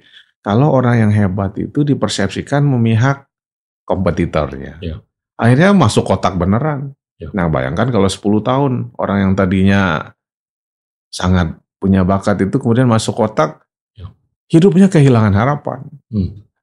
Nah mudah-mudahan ke depan itu walaupun kita gampang aja mengatakan ASN harus netral, ASN harus profesional. Tapi dalam praktek demokrasi kita nggak bisa. Mas Gita misalnya punya saudara ASN. Pas Mas Gita ikut kontestasi, susah untuk tidak mengaitkan dia dengan Mas Gitanya. Nah ini yang terjadi ketika Mas Gitanya menang syukur. Kalau kalah, yang punya bakat ini akhirnya nggak bisa ketarik-tarik juga karena sudah terasosiasikan dengan Betul. figur tertentu. Betul. Nah, dalam skop yang kecil, ini berbahaya sekali. Iya. Nah memang harus perlu kematangan jiwa ya kedewasaan luar biasa dari pemimpin yang terpilih untuk melupakan masa lalu lah seperti iya. Mandela lah kan. Betul. Betul. Udahlah yang sudah let's bygone be bygone yang iya. sudah berlalu iya. berlalu saja gitu. Iya. Kita menata satu daerah ini tapi kadang-kadang karena tensi ketika kampanyenya itu keras sekali iya. itu susah dilupakan. Nah, bagaimana kita mau lupakan ini jejak digitalnya gitu kan. Dia mau maki Anda waktu Facebooknya hmm. seperti ini karena orang sekarang suka-suka aja kadang-kadang. Nah, ini yang harus dicari caranya ya. Tapi saya tetap yakin ya, kita optimis akan ada titik temunya nanti. Ya. Mudah-mudahan dengan sering kita tidak henti-hentinya mensosialisasikan tentang uh, demokrasi yang sehat ya. Dan harus sering juga kita meritokrasi ini jadi syarat kita untuk uh, terbang ke stage yang lebih maju gitu. Nah makanya kami di NTB ini syukur dikasih kesempatan oleh Pak Jokowi itu untuk menjadi tuan rumah dari global events. Ya. Karena misalnya kita motor GP itu kita tidak menganggap oh, kok NTB bikin motor GP gitu kan. Padahal dengan motor GP itu mungkin bukan sekadar motor GP-nya yang penting, tapi motor GP itu punya persyaratan yang kaku yang harus dipenuhi misalnya. Misalnya Anda siap menjadi tuan rumah motor GP, tapi salah satu syaratnya Anda harus punya fasilitas rumah sakit kelas hmm. internasional. Mau nggak mau, kita bangun rumah sakitnya dong. Nah, Anda harus jadi tuan rumah MotoGP tapi runway bandaranya harus diperpanjang supaya bisa didarati pesawat berbadan lebar untuk logistik MotoGP. Berarti bandaranya harus panjang. Yo. Bandaranya sudah panjang, masa bangunan terminalnya kumuh harus didandanin bagus juga. Yo. Nah, masa logistiknya yang banyak mobilitasnya, pelabuhan lautnya ya harus standar internasional juga. Highway-nya harus bypassnya harus bagus, listrik nggak boleh mati, ICT fasilitiesnya telekomunikasi, jadi banyak sekali. Jadi menurut saya luar biasa sebenarnya Pak Jokowi itu dalam ngasih kami kesempatan ya. bahwa orang seperti beliau ya yang kalah sebenarnya di NTB, tapi perhatiannya begitu besar ya. gitu, sehingga menurut kami Padahal apalagi saya dari PKS sebenarnya partai oposisi ya. Tapi sebenarnya perhatian Pak Jokowi pada Nusa Tenggara Barat itu luar biasa besarnya. Saya rasa di seluruh titik di Indonesia siapa pun sudah mengetahui apa yang harus dilakukan, apa yang harus dibangun. Tapi sekali lagi secara struktural kendalanya adalah fulus. Fulus ya. Ya kan? Ini kalau menurut saya yang akan menjadi solusi untuk banyak hal yang kita ingin kedepankan ke depan. Fulus balik lagi ke tadi. Nah, saya mau balik lagi ke demokrasi ini. Hmm. Karena pesta demokrasi ini kalau menurut saya sudah cukup lama berlanjut dan saya ngelihat dan saya punya kepentingan untuk melihat demokratisasi kita ke depan tuh lebih kental dengan pengseleksian talenta berdasarkan meritokrasi. Salah satu kanker yang menggerus atau narik ini ke, ke bawah adalah medsos. Hmm semenjak diciptakannya tombol like, yeah. retweet, share, yang kalau menurut saya itu hanya menyongsong sensasionalisasi atau festivalisasi, bukan intelektualisasi. Ini karakteristik dari bagaimana kita salah parkir untuk menyamakan demokrasi dengan amplifikasi algoritma. Hmm. Iya kan? Nah ini saya punya kepentingan untuk anak-anak muda ke depan. Ini jangan terjebak dalam persamaan tersebut. Bahwasanya demokrasi ini bisa disamakan dengan amplifikasi algoritma. Kalau itu terus-menerus berkelanjutan, kita bisa salah kaprah untuk melanjutkan proses demokratisasi ke depan.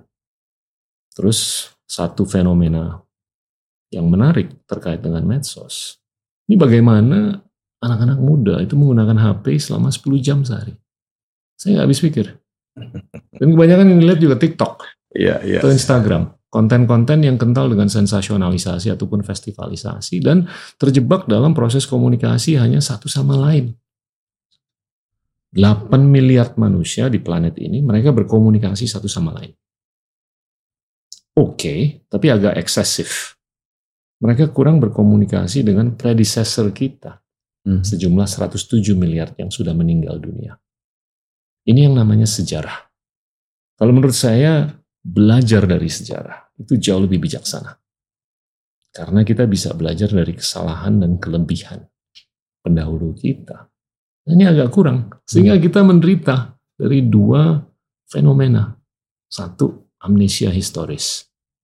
Dua, pengurangan imunitas kognitif. Kita nggak bisa membedakan antara fakta dan opini. Ya. Ini era pasca kebenaran kan, Hmm. yang sangat lekat dengan anak-anak muda ke depan. Dan demokrasi atau demokratisasi ini lekat dengan anak-anak muda ke depan. Yang mungkin beberapa tahun yang lalu masih nonton Cartoon Network.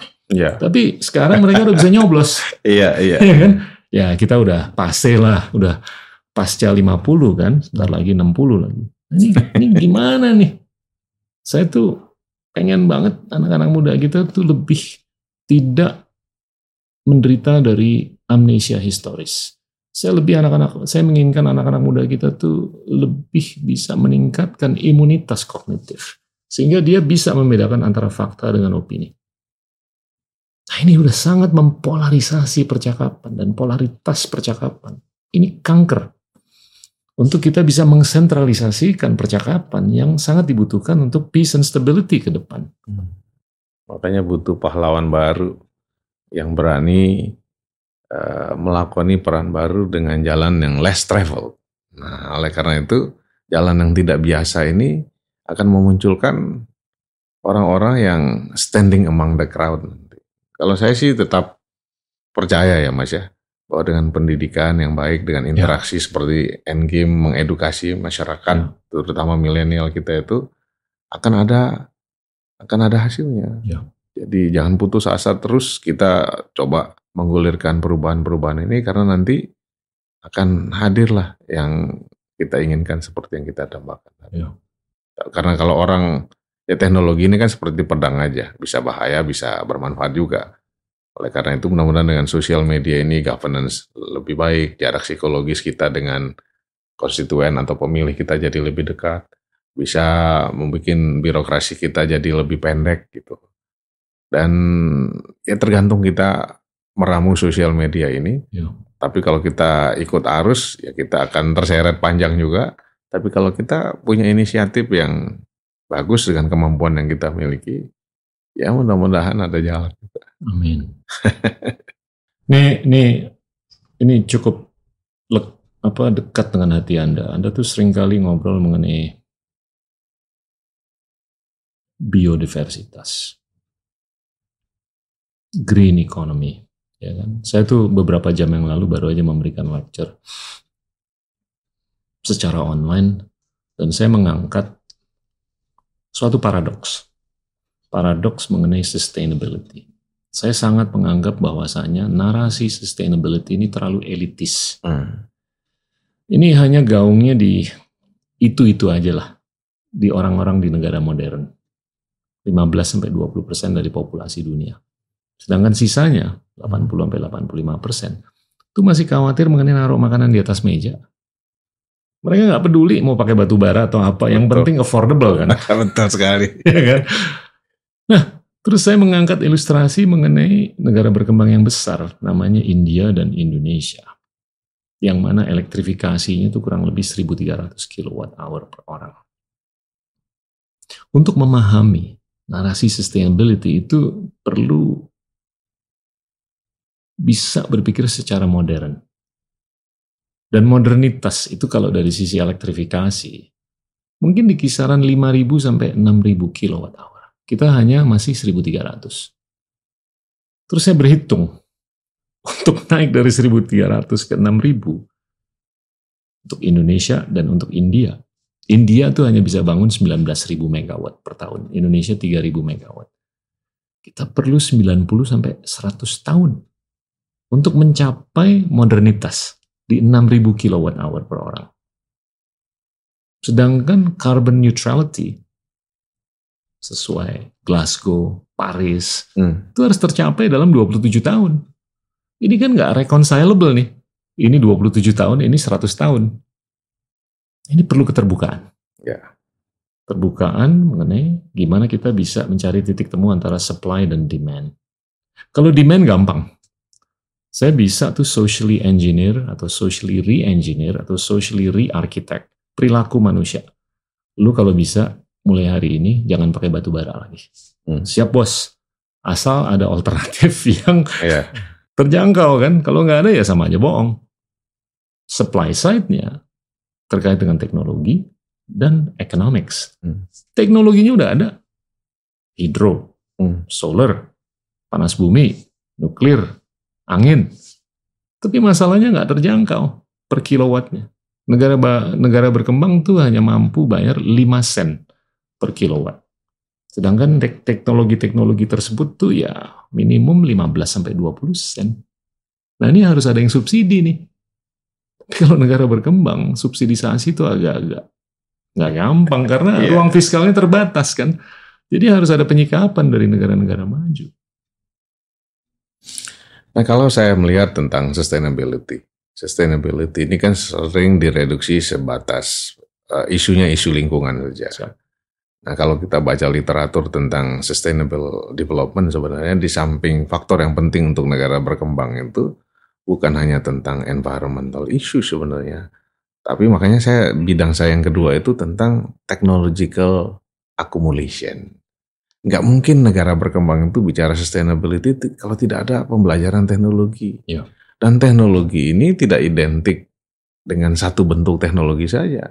Industri manufaktur, industri kimia, industri eh, IT dan lain sebagainya punya pembelajaran teknologi yang sangat berbeda dan macam-macam. Nah sekarang negara berkembang untuk catching up in the process of industrialization karena industrialization ini driving force yang paling penting adalah inovasi teknologi harus dilihat teknologi apa yang punya konvergensi Ya. yang kalau disuntikkan satu dia punya impact ke sektor yang lain. Nah sekarang orang latah ngomong tentang uh, industri 4.0, 5.0 di NTB di Indonesia jangankan 5.0 yang 3, 2, 1 bahkan di bawah itu masih ada. Jadi track pembangunannya tuh harus banyak gitu. Jadi nggak bisa mentang-mentang kita ngomong tentang green ekonomi, green teknologi, kita melupakan yang masih kita katakan orang nggak peduli apakah ini pakai pupuk kimia, apakah ini pakai subsidi, yang penting ada gitu. Jadi mereka nggak mikir jauh, yang penting apa aja dulu gitu. Nah ini kan di tempat kita semuanya hadir. Jadi teknologis gitu. Jadi bukan teknologi tapi teknologis yang not singular. Tapi semuanya ada. Ya. Nah inovasi di semua ini di samping pembelajarannya beda, akumulasinya berbeda, sistemnya juga beda. Ya.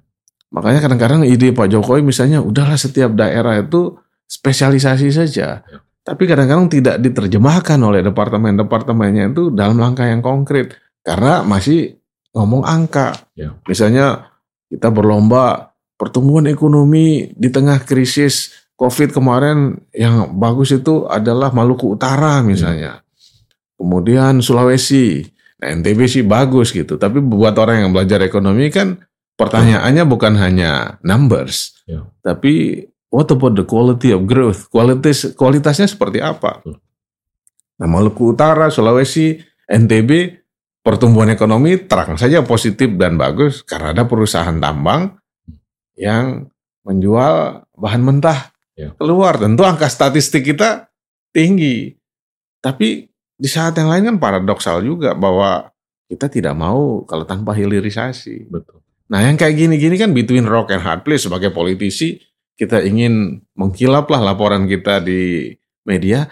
Tapi deep down in our heart kita tahu sebenarnya ada hal yang mendasar yang belum selesai. Jadi perjalanannya memang panjang mas. Ya. Jadi nah, sedangkan publik ingatnya yang pendek-pendek. Nah jadi memang perlu ada kearifan juga untuk membaca peta Indonesia ini. Dan Indonesia ini terlampau heterogen untuk didekati dengan satu pendekatan saja. Nah oleh karena itu kenapa kita kocok ulang, kita suruh pindah ke sini, pindah ke situ tuh. Ya supaya orang tahu bahwa Indonesia ini tidak bisa didekati dengan satu gaya dan satu cara. Misalnya keberanian Pak Jokowi misalnya pindah ibu kota negara ke Kalimantan Timur. Mungkin dalam waktu cukup dekat ya banyak begini begitulah. Tapi menurut saya dalam jangka panjang ini penting. Beliau punya keberanian luar biasa. Bukan saya memuji-memuji Pak Jokowi, tapi menurut saya cara pandangnya itu secara argumentasi dan lain sebagainya masuk akal. Dan kami merasakan sendiri misalnya bela beli produk lokal, mempermudah investasi, perlu cara baru dalam um, membuat uh, super priority destination beyond Bali. Nah ide-ide itu yang kami terjemahkan di tempat kami di NTB dan hasilnya memang nyata kok. Coba motor GP datang, sigmanya ya. itu luar biasa. Hotel, travel agents, productivity meningkat. Nah, tapi jangan sampai dianggap ini sekedar balap motor. Ya. Bukan. Motor GP is not only. Ah, ah. Nah, bayangkan kalau misalnya kita punya event-event yang begitu. Tapi kan kadang-kadang orang ekonomi neoklasik tuh ngelihat pada angkanya nggak salah juga, tapi kan tinggal dikompromi saja. Makanya perlu kepala daerah yang mengerti gambaran besar itu sehingga dia tidak gerasa gerusuk pada sake of popularity, electability, kemudian kehilangan akal sehat demi kekuasaan. Anda belajar ekonomi kan? Hmm. Pandangan Anda mengenai kapitalisme itu gimana sih? Apakah ini perlu dikaji ulang bahkan di reframe atau di reshape. Kalau mengingat mengingat kesenjangan hmm. itu semakin meningkat dan cukup universal, nggak di negara berkembang atau miskin aja, tapi di negara maju. Ya kan? Kita udah melihat divergensi kekayaan dan juga divergensi nilai hidup. Dan ini ujung-ujungnya nyambung kan dengan proses peningkatan kesejahteraan Anggaplah itu kapitalisme atau sosialisme atau komunisme. Tapi yang lebih dominan selama ini adalah kapitalisme. Ini gimana nih ke depan? Saya kebetulan dari FUI hmm. yang betul-betul mendewakan kapitalisme lah. Hmm. Kami adalah kapitalis yang tidak bengis gitu kan. Lagu tingkat satunya gitu kami. Siap. Ini kapitalis yang tidak bengis gitu. Tapi akhirnya kapitalis itu kan ada batasnya juga. Siap.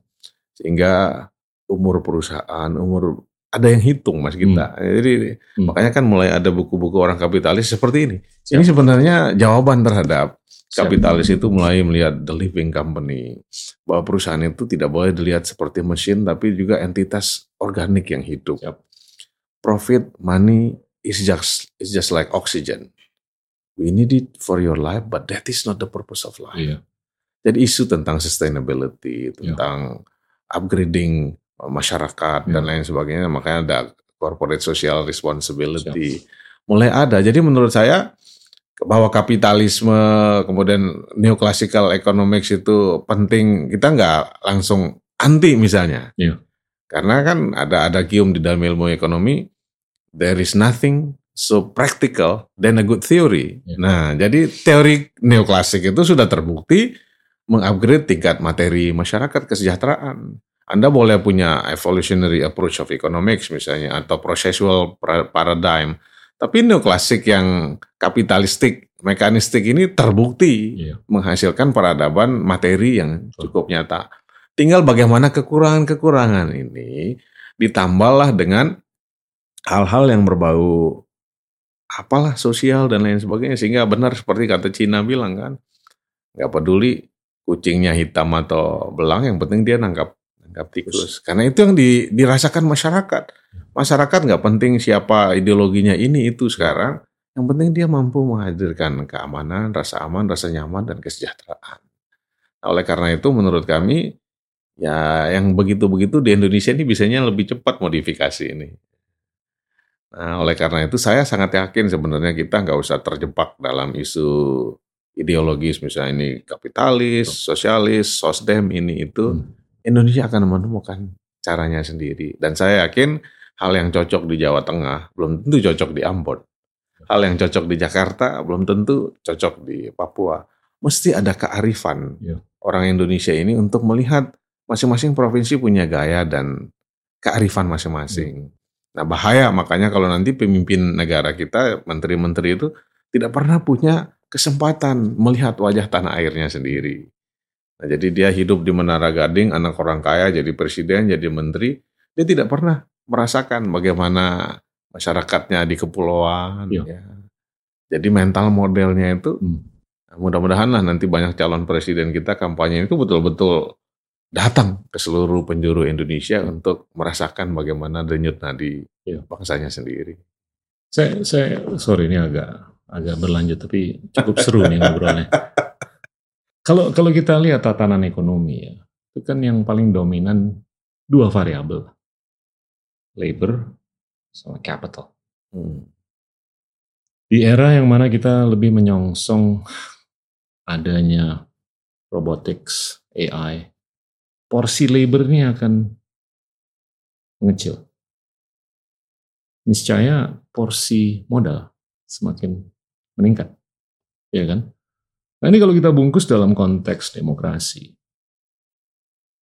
Intinya kan atau esensinya adalah gimana kita bisa mendemokratisasikan modal agar seluruh lapisan masyarakat luas itu punya akses ke modal.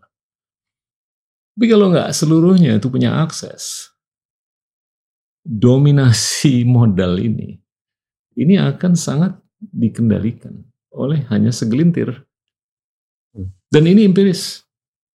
Bahwasanya dominasi tersebut itu nggak nyambung. Atau bahkan nyambung dengan kenyataan bahwa kesenjangan ini semakin meningkat. Nah ini gimana nih? Sebenarnya ya sekali lagi ini kita contoh nyata Pak Jokowi lah. Ya. Cuman mesti ada yang menerjemahkan. Ya. Misalnya sekarang kan masalah di daerah terutama akses pada modal seperti yang Mas kita sampaikan. Ya. Nah sekarang Pak Jokowi itu kalau turun ke daerah itu bagi sertifikat Mas. Iya. Nah kan kalau kita lihat yang apa ekonom yang mengatakan the death of capital kalau nggak ya. salah judulnya itu kenapa orang di negara berkembang tidak maju-maju karena dia punya tanah, punya apa yang tetapi tidak punya bisa yeah. di yeah. diuangkan. Property rights. Ah, ah. Nah sekarang Pak Jokowi ini kasih ke masyarakat. Yeah. Anda punya sertifikat yang bisa Anda jaminkan di bank sehingga Anda punya akses ke modal. Hmm. Ini kan langkah awal karena yeah. saya selalu mengatakan perjalanan panjang itu selalu diawali dengan langkah pertama. Ini langkah awal yang sudah diinisiatif sangat baik oleh Pak Jokowi ini mesti ditindaklanjuti oleh teman-teman perbankan, ekonom-ekonom yang ada di pusat bahkan di daerah sehingga masyarakat yang punya sertifikat ini tidak disimpan sertifikatnya diberdayakan tapi diberdayakan. Nah kan maksudnya itu sebenarnya land reform itu. Nah kalau ini terus ditindaklanjuti mudah-mudahan lambat laun karena ini perjalanannya juga tidak serta merta nanti akan punya akses pada permodalan itu. Nah memang benar tadi bahwa dulu kan ada land, capital, and labor. Mungkin ya. labornya dengan adanya kemajuan teknologi, tapi skill labor itu tetap akan ya. menentukan. Apalagi kalau capital ini tidak jadi hal yang langka atau scarcity bisa direduksi dengan akses pada banyak instrumen finansial yang lain. Saya, saya lebih percaya pendanaan itu lebih harus berdasarkan produktivitas, bukan berdasarkan aset. Yang mana kita tuh produktivitasnya itu masih relatif rendah di kurang lebih 24-25 ribu dolar per orang per tahun untuk barang dan jasa. Dibandingkan Singapura, sekali lagi Singapura, 200 ribu dolar. PR kita ini masih banyak. Gimana untuk kita bisa meningkatkan produktivitas? Karena semakin manusia itu produktif, semakin dia bisa memberdayakan produktivitasnya untuk pendanaan. Sehingga dia bisa menghindar dari pemberdayaan aset. Karena aset itu bisa salah kaprah. ya kan? Kalau diberdayakan dengan cara yang kurang bijaksana atau orangnya mungkin yang mau memberdayakan itu kurang bijaksana. Tapi kalau dia produktif, dia memberdayakan produktivitasnya untuk kepentingan pendanaan ataupun kewirausahaan, itu ya. lebih jernih ke depan. Jadi saya lebih lihat mungkin yang harus disikapi adalah gimana kita bisa meningkatkan produktivitas. Saya setuju sekali, makanya kalau kita lihat itu satu-satunya cara untuk meningkatkan produktivitas adalah mengintroduce technological capability dalam proses produksi dan ekonomi kita. Artinya nothing new under the sun. Apa yang kita inginkan dalam proses ya. industrialisasi kita sudah dilakukan Korea, sudah dilakukan oleh Cina, Inggris, Amerika ratusan tahun yang lalu. Nah, industrial base kita nggak mungkin kokoh tanpa ada industri mesin perkakas. Coba bayangkan, kalau sebelumnya orang potong bambu saja itu dua per hari untuk bikin anyaman. Ya. Dengan introduksi satu mesin sederhana saja. Ya. Dari dua bisa jadi sepuluh ribu. Bayangkan saja produktivitinya. Nah kalau dia sudah mampu meningkatkan produktiviti, dia akan dipaksa untuk cari pasar yang baru. Nah oleh karena itu mesin-mesin ini yang menurut kami itu dalam industrialisasi itu jadi intinya. Jadi perlu dicari sektor yang technological convergence-nya, konvergensi Iya. teknologi itu bisa ke sektor yang lain. Pokoknya menarik, Mas. Wow. Ada pesan-pesan akhir, bro? Ya menurut saya terima kasih karena saya sangat senang ya saya berkomunikasi dengan teman-teman di luar negeri, milenial termasuk di NTB dan mereka mengatakan kalau satu kesempatan bisa ketemu Mas Gita. Terima kasih dengan hadirnya Endgame-nya. Alhamdulillah. Makasih loh, bro. Terima kasih, Pak. Teman-teman, itulah Bro Zulkifli Mansyah, seorang pendidik dan mantan gubernur NTB yang keren. Terima kasih banyak. Inilah Endgame.